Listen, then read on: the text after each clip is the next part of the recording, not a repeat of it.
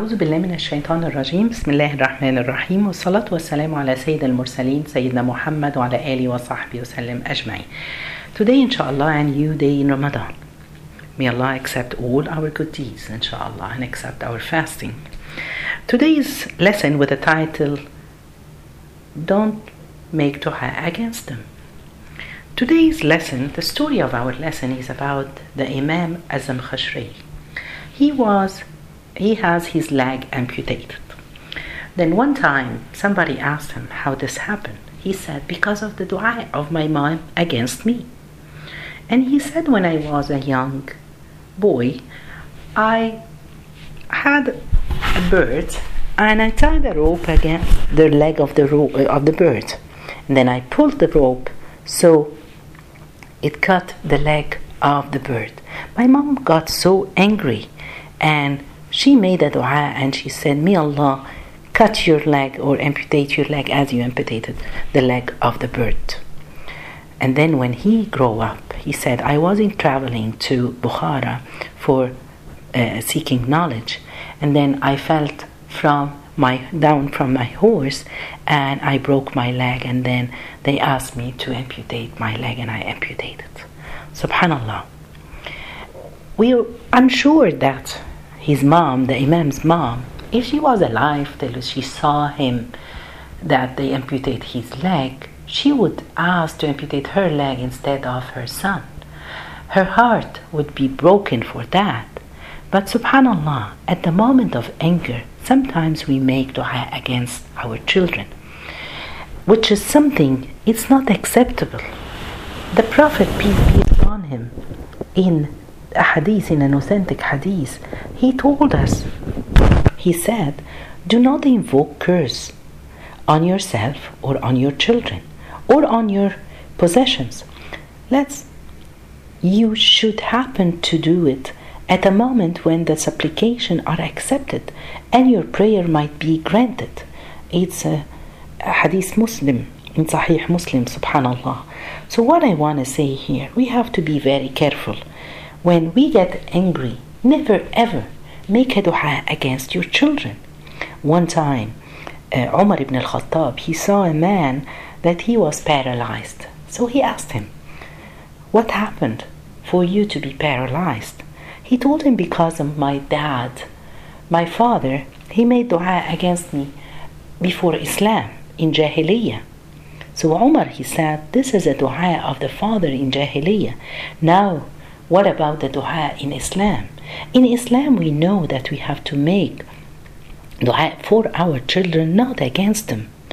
Nowadays, we can see a lot of us as parents, as mothers, as father, we get angry when your children they don't listen to you, or sometimes even if my daughter she breaks a plate that it's very expensive, or I like it, or it belongs to my grandmother. So, what's the reaction when this happens? Sometimes we we we, we make dua to curse them, or may Allah uh, uh, take you, or go.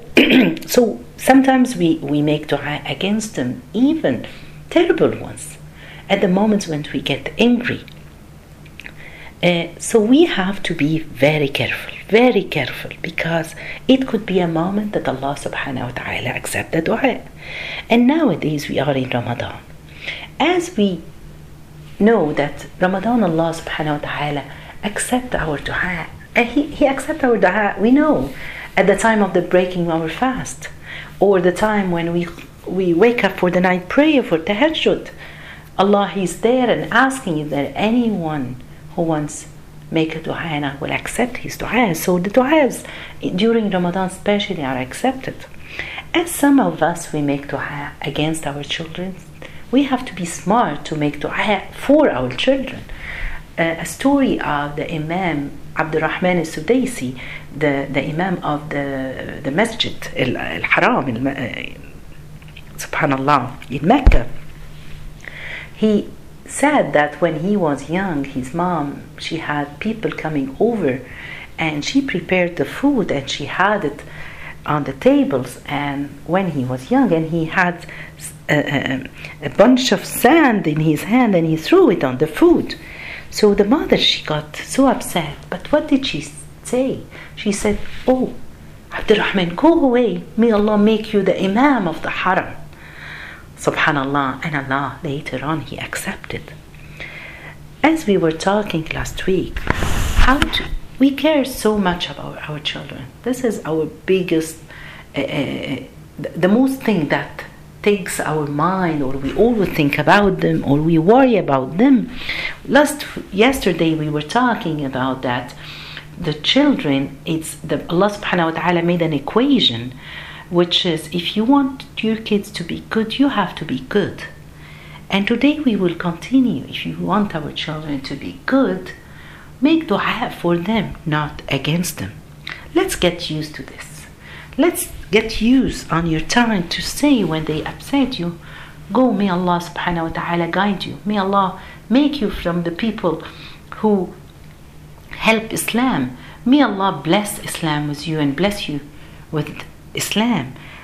Always try to make a positive dua, a dua that we will need, not to be a curse on them. So, what I want to say, remember, every night before they go to mat, remember to tell them to say the adhkar of the night, or you read the Quran over them.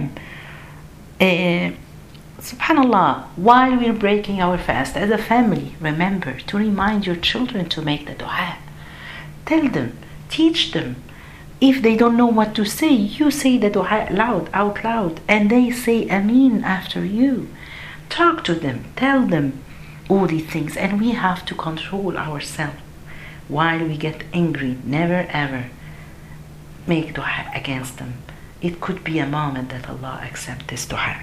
May Allah subhanahu wa ta'ala accept all our dua. May Allah subhanahu wa ta'ala accept our deeds. May Allah guide our children, protect them, and make them good Muslim to be proud of them. جزاكم الله خير سبحانك اللهم بحمدك أشهد أن لا إله إلا أنت أستغفرك ونتوب إليك